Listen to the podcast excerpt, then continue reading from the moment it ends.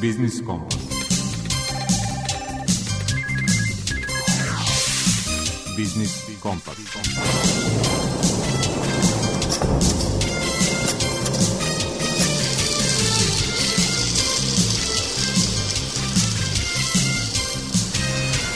Pred mikrofonom je Đuro Vukilić.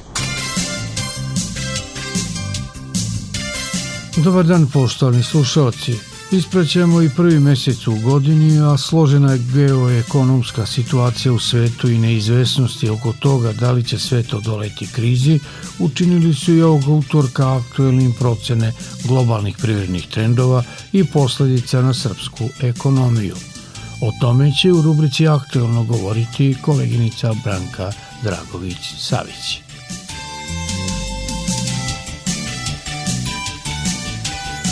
Gost autor rubrike iz mog ugla je redovni profesor sa Fakulteta tehničkih nauka u Novom Sadu, Gordan Stojić. Tema je stanje železničke infrastrukture u Vojvodini i neophodni projekti revitalizacije. U rubrici Svet preduzetništva rukovodilac projekata u regionalnoj razvojnoj agenciji Bačka Marija Prokopić najavljuje konkurs pokrajinskog sekretarijata za privredu i turizam namenjen su finansiranju projekata od značaja za razvoj turističkog potencijala Vojvodine. Tema rubrike predmet financije i izlaganja naše saradnice iz Centra za zaštitu korisnika finansijskih usluga u Narodnoj banci Srbije Jelene Popović su pravila oko prevremene otplate kredita.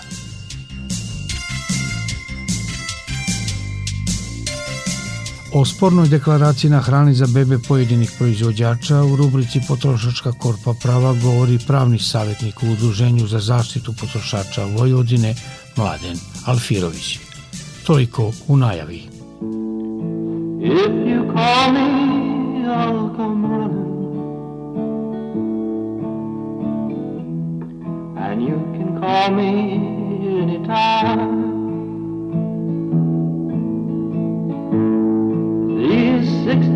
Strings were strumming.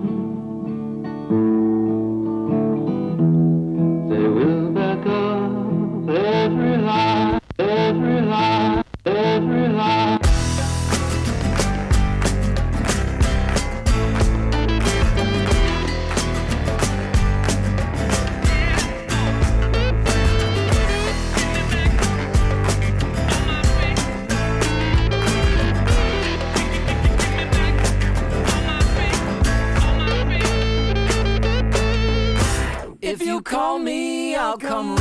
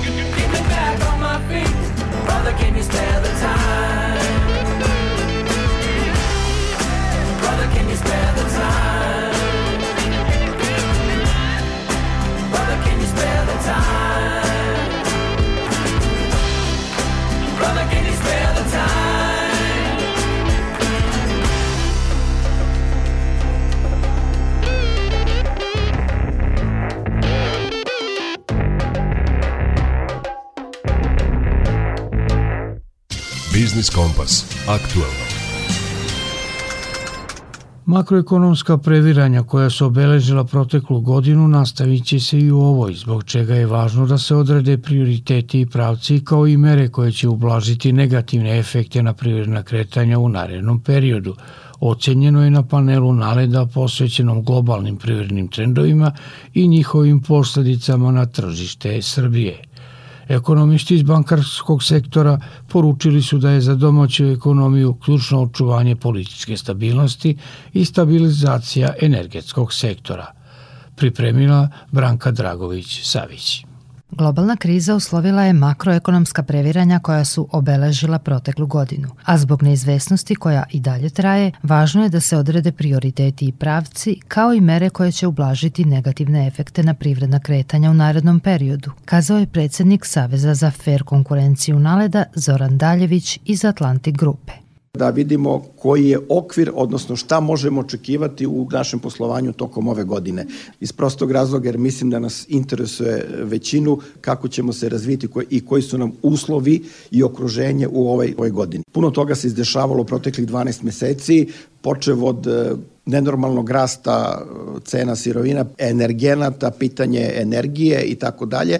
Šefica kancelarije Međunarodnog monetarnog fonda u Srbiji Julija Ustjugova upozorila je da će se negativni trendovi nastaviti i u 2023. godini. I dalje smatramo da će tokom 2023. ekonomski rast biti usporen s obzirom na prethodnu godinu. Dva faktora e, koji će uticati na to. Problemi sa energentima, ali isto tako vrlo agresivni globalni finansijski uslovi koji su nastali usled povećanja kamatnih stopa od strane centralnih banki.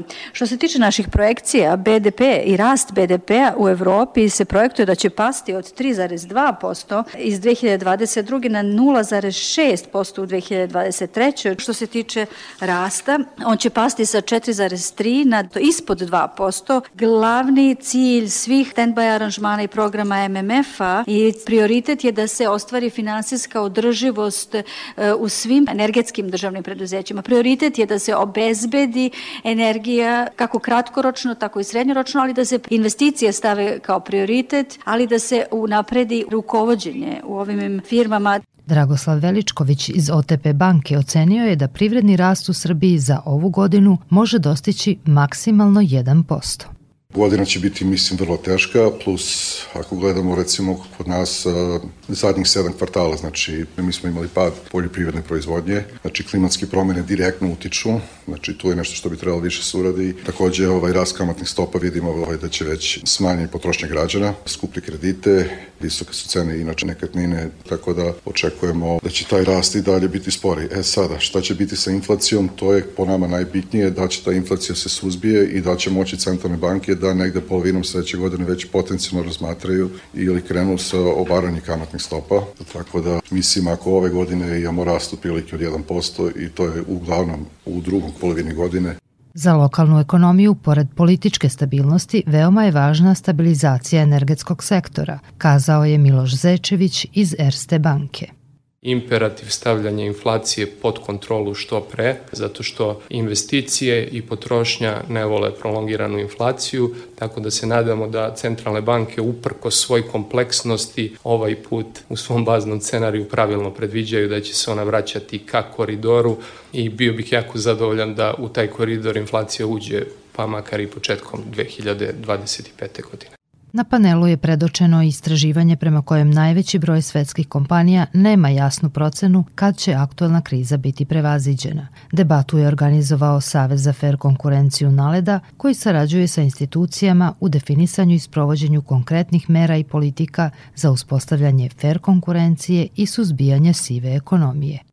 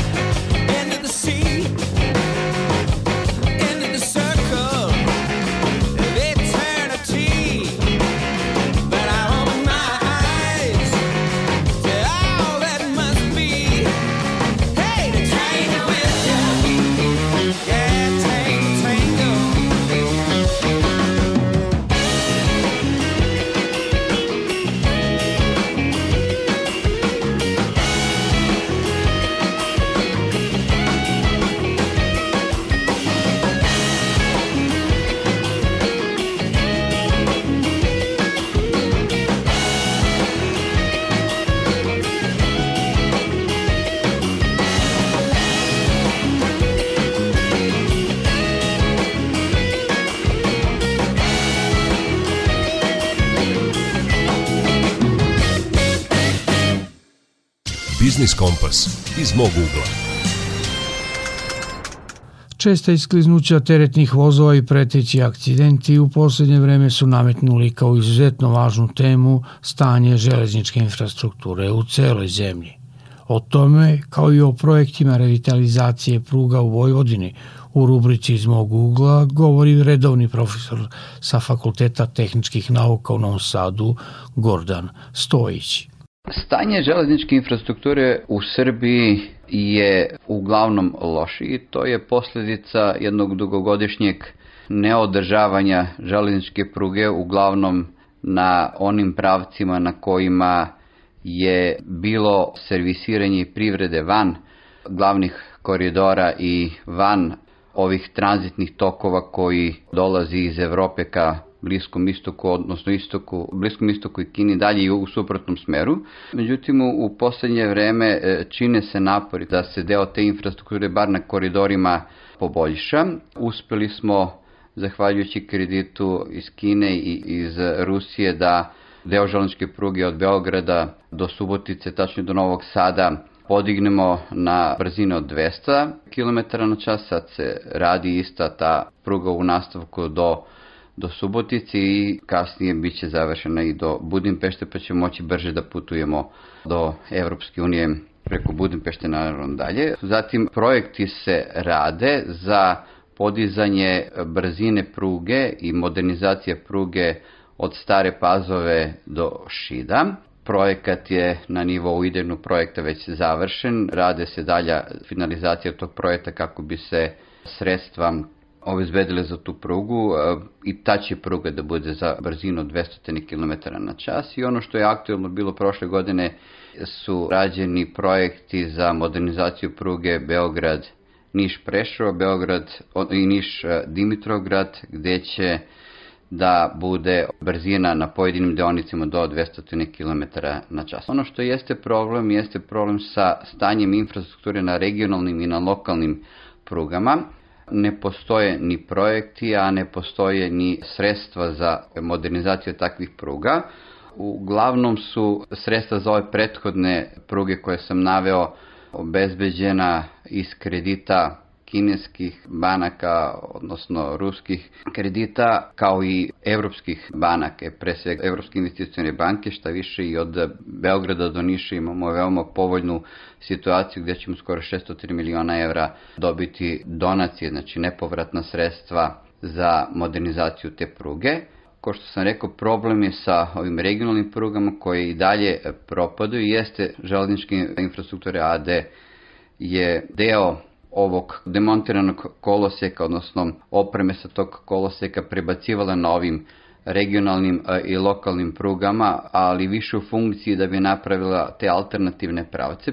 Deo tih pruga i po Vojvodini je vraćen u, u neko stanje koje može da obezbedi jedan redovit saobraćaj, ali kao što se rekao sve u funkciji pravljanja tih alternativnih pravaca dok se bude gradio koridor do Subotice. Deo koloseka koji je demontiran plus neka druga na zalihama oprema koja je za izgradnju pruge bila u infrastrukturi je na prugama u Vojvodini već postavljeno do Titela taj deo, zatim po Banatu se neke pruge rekonstruišu, pruga je bila u zadovoljavajućem stanju do Odžaka i e, sanirane su tri stanice koje su imale malo lošije performanse na toj pruzi. Radi se projekat za trianglu i za obilaženje Bogojeve kao poslednje stanice koja nije e, u, u funkciji tranzitnog saobraćaja.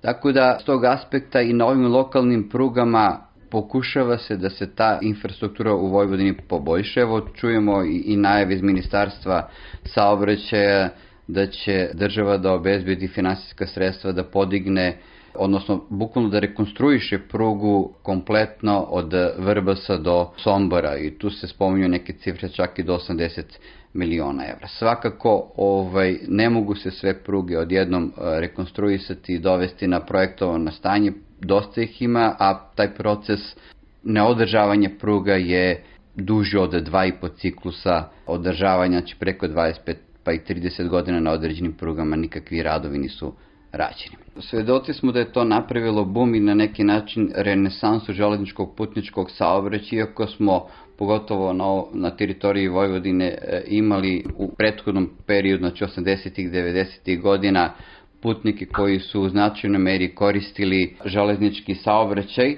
ukidanjem vozova u prethodnom periodu i redukovanjem saobraćaja kao i kašenje vozova doveli su do nepouzdanost železničkog saobraćaja za prevoz putnika, pa su putnici prešli na druge vidove saobraćaja.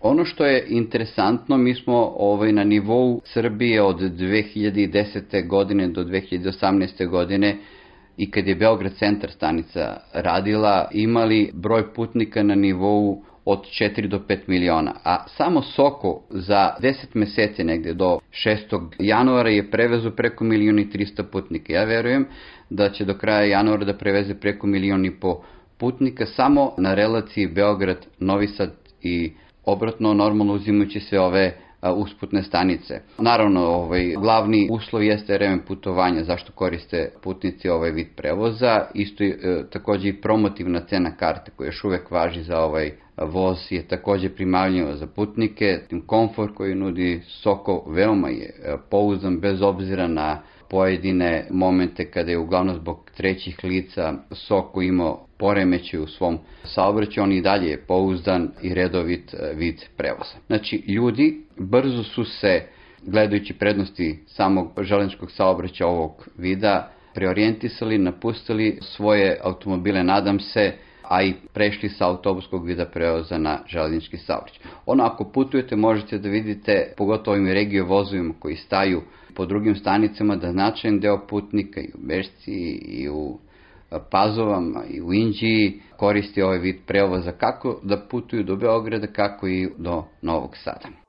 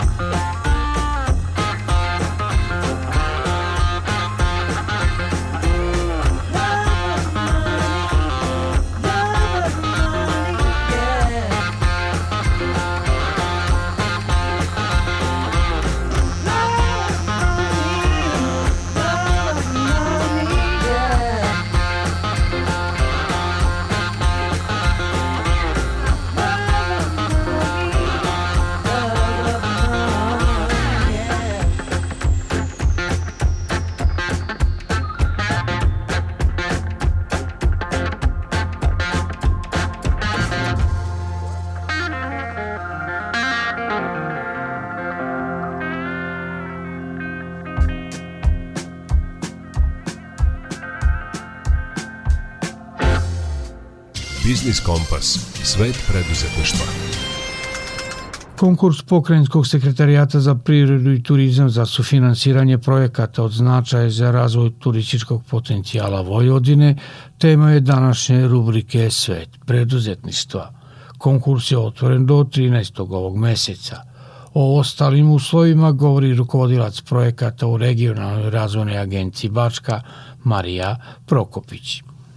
Cilj ovog javnog konkursa jeste da se podrži razvoj turizma u autonomnoj pokrajini Vojvodini kroz posticanje rada privrednih subjekata sa ciljem podizanja nivoa kvaliteta usluga ugostiteljskih objekata, zatim da se unapredi konkurentnost turističke ponude AP Vojvodine, da se poveća broj noćenja i produženja boravka turista u našoj pokrajini kroz unapređenje kvaliteta usluga i dodatnih turističkih sadržaja u postojećim ugostiteljskim objektima, zatim podrška povećanju energetske i ekološke efikasnosti ugostiteljskih objekata kroz upotrebu energetsko-ekoloških efikasnih e, građevinskih materijala u izgradnji, dogradnji, rekonstrukciji, adaptaciji i sanaciji objekata, zatim da se uvedu tehnološke inovacije u promociji i poslovanju ugostiteljskih objekata, takođe da se nabave mašine i oprema koja svojim inovativno-tehničkim karakteristikama ubrzavaju proces pripreme hrane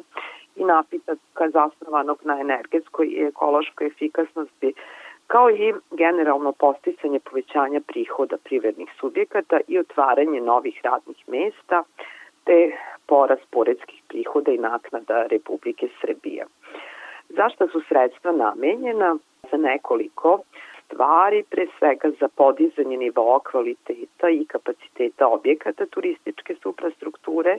Kroz ovo se subvencioniše izgradnja, dogradnja, rekonstrukcija, adaptacija, sanacija i investicijono održavanje ugostiteljskih objekata, zatim izrada projektno-tehničke dokumentacije, zatim opremanje ugostiteljskih objekata dodatnim sadržajima na način predviđen zakonom o planiranju i izgradnji, zatim nabavka mašina i opreme i uvođenje tehnoloških inovacija u promociji i poslovanju ugostiteljskih objekata, a, po time se podrazumeva nabavka mašina, opreme i motornih vozila za ugostiteljsku delatnost, a navela sam i da je jedan od ciljeva unapređenje inovativnosti prednih subjekata, tako da se subvencije mogu dobiti za uvođenje tehnoloških inovacija u promociji i poslovanju ugostiteljskih objekata.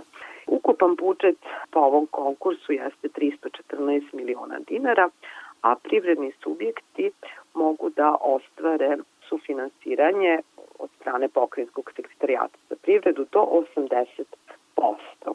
Inače, podnosilac prijave može da podnese najviše jednu prijavu za jednu namenu sredstava, a neki od uslova koje treba da ispune jeste da su registrovani u Agenciji za prirodne registre do 31.12.2022. godine, da imaju sedište na teritoriji AP Vojvodine ili registrovan ogranak na teritoriji AP Vojvodine, da obavljaju ugostiteljsku delatnost kao pretežnu, da je izmirio dospele obaveze javnih prihoda, da nije pokrenut stečajni postupak, da su pozitivno poslovali, odnosno da nisu ostvarili neto gubitak u 2022. godini, da imaju najmanje jednog zaposlenog i ostalo. E, ono što je bitno još reći jeste da je rok za podnošenje prijeva 13. februar 2023. godine, a dodatne informacije se mogu dobiti u pokrenjskom sekretarijatu za privredu i turizam putem telefona 021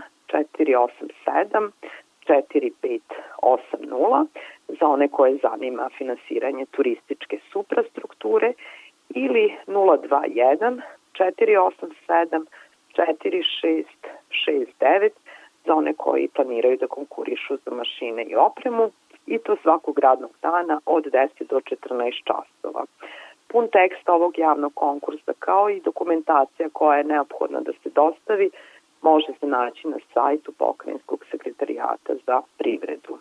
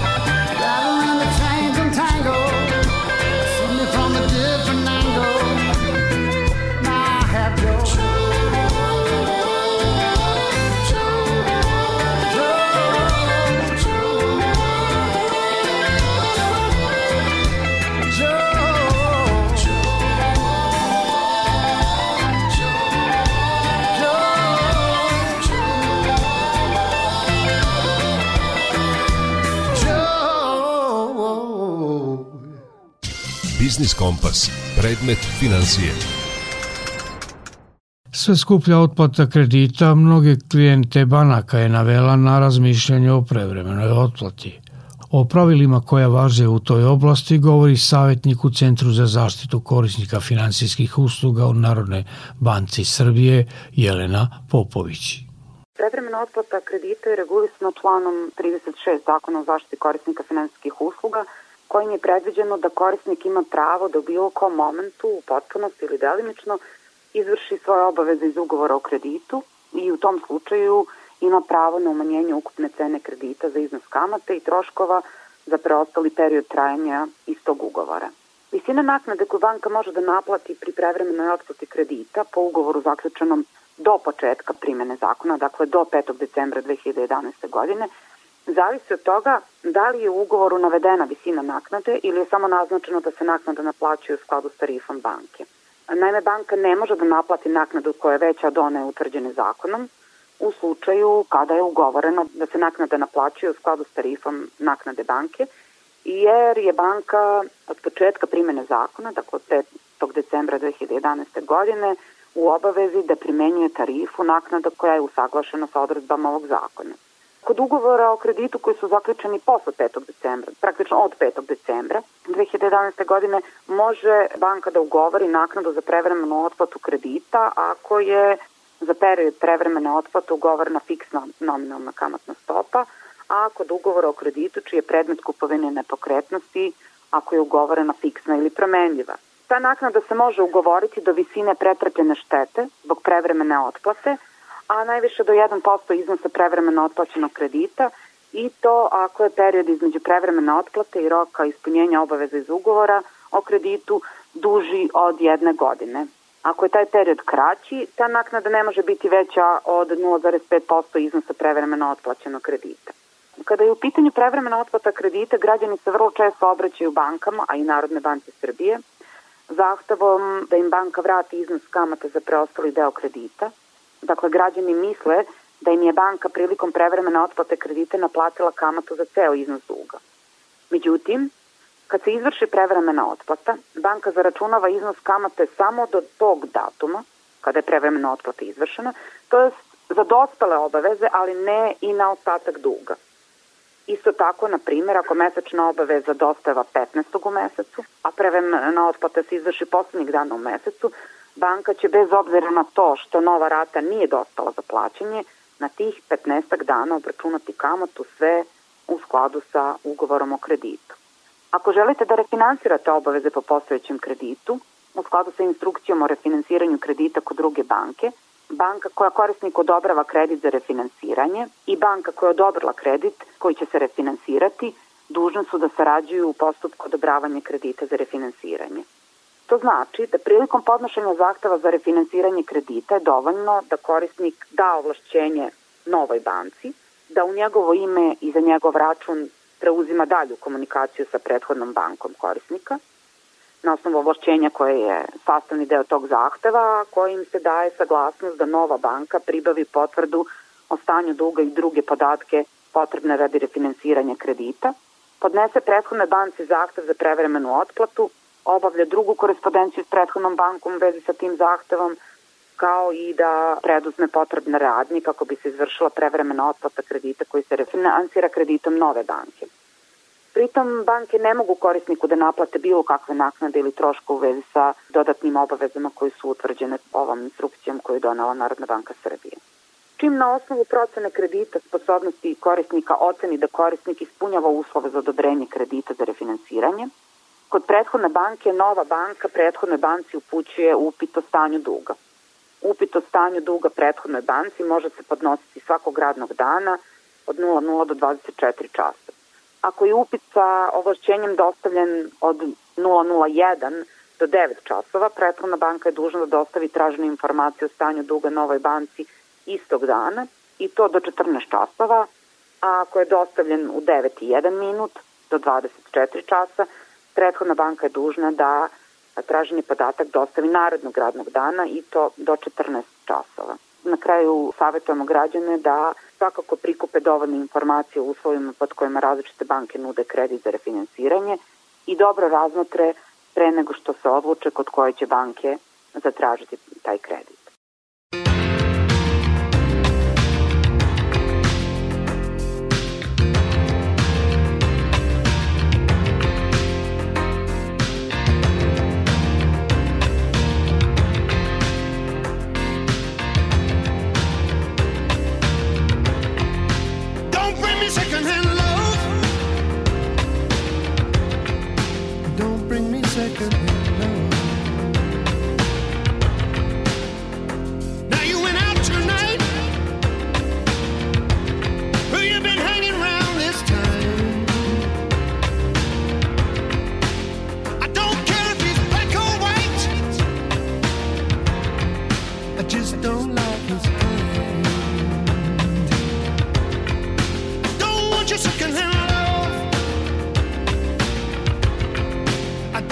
second little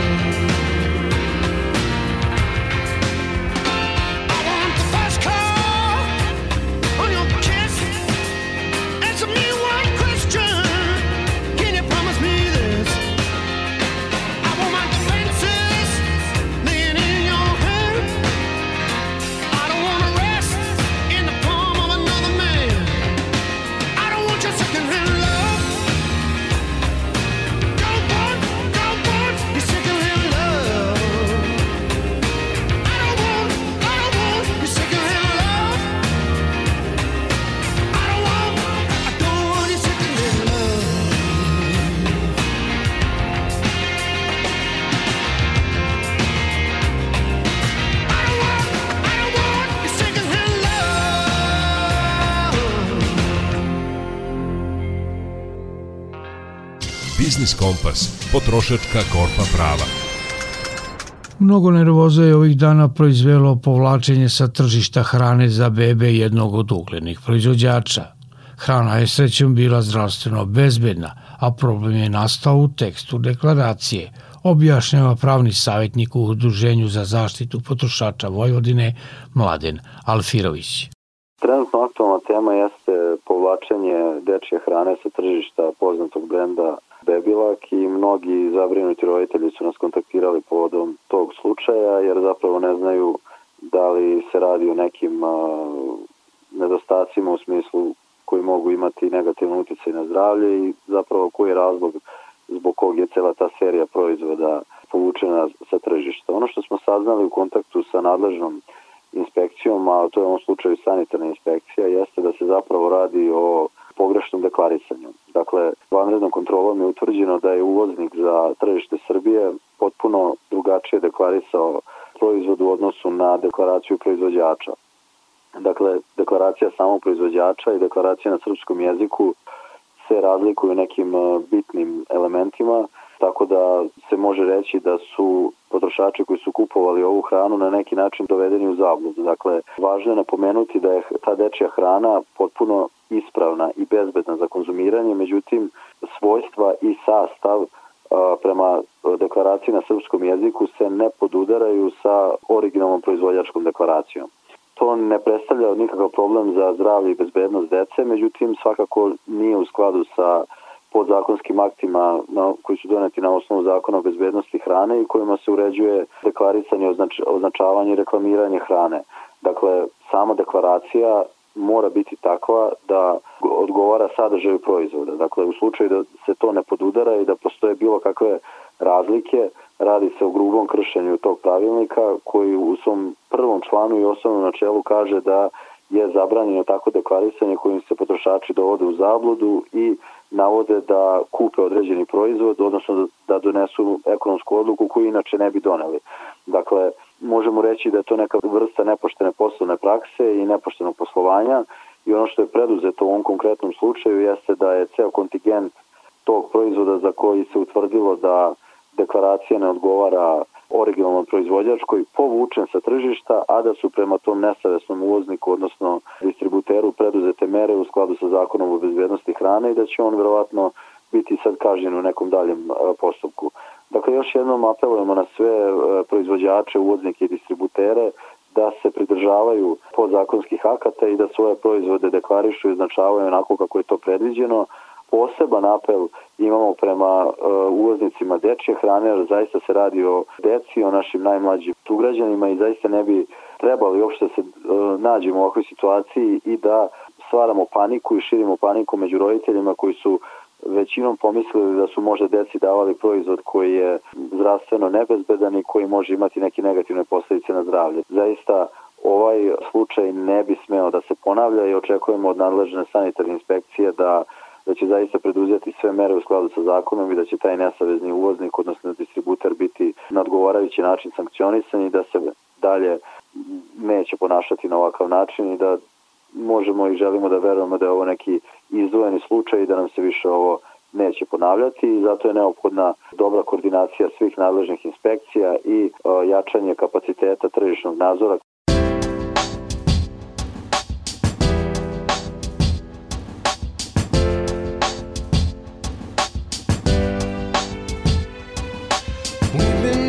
Touch for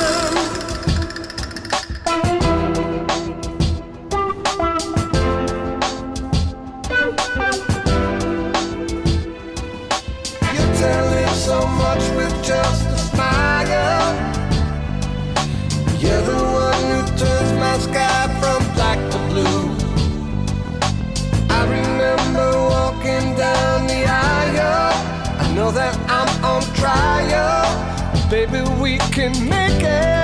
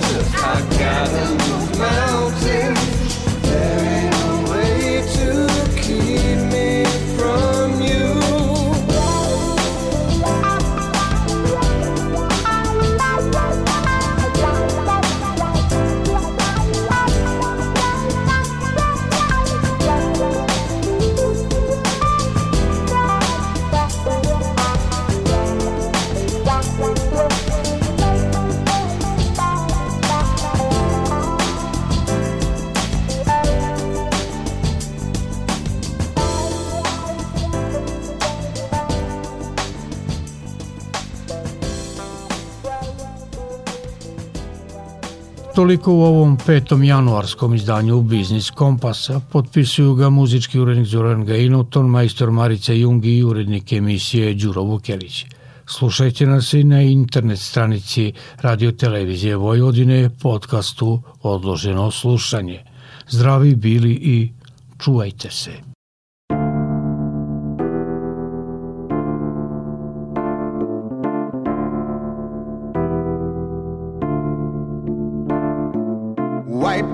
Smile off your face. I know it's good to laugh, but sometimes you need to cry. You know you can't put it off any longer. We're all in need of a break while the world's pain is getting stronger. So if you get a chance, when you got a chance,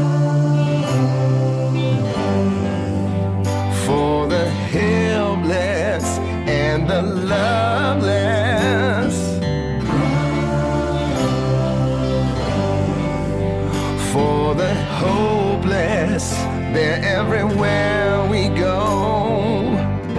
So when you get a chance, while you got a chance, sit down and cry.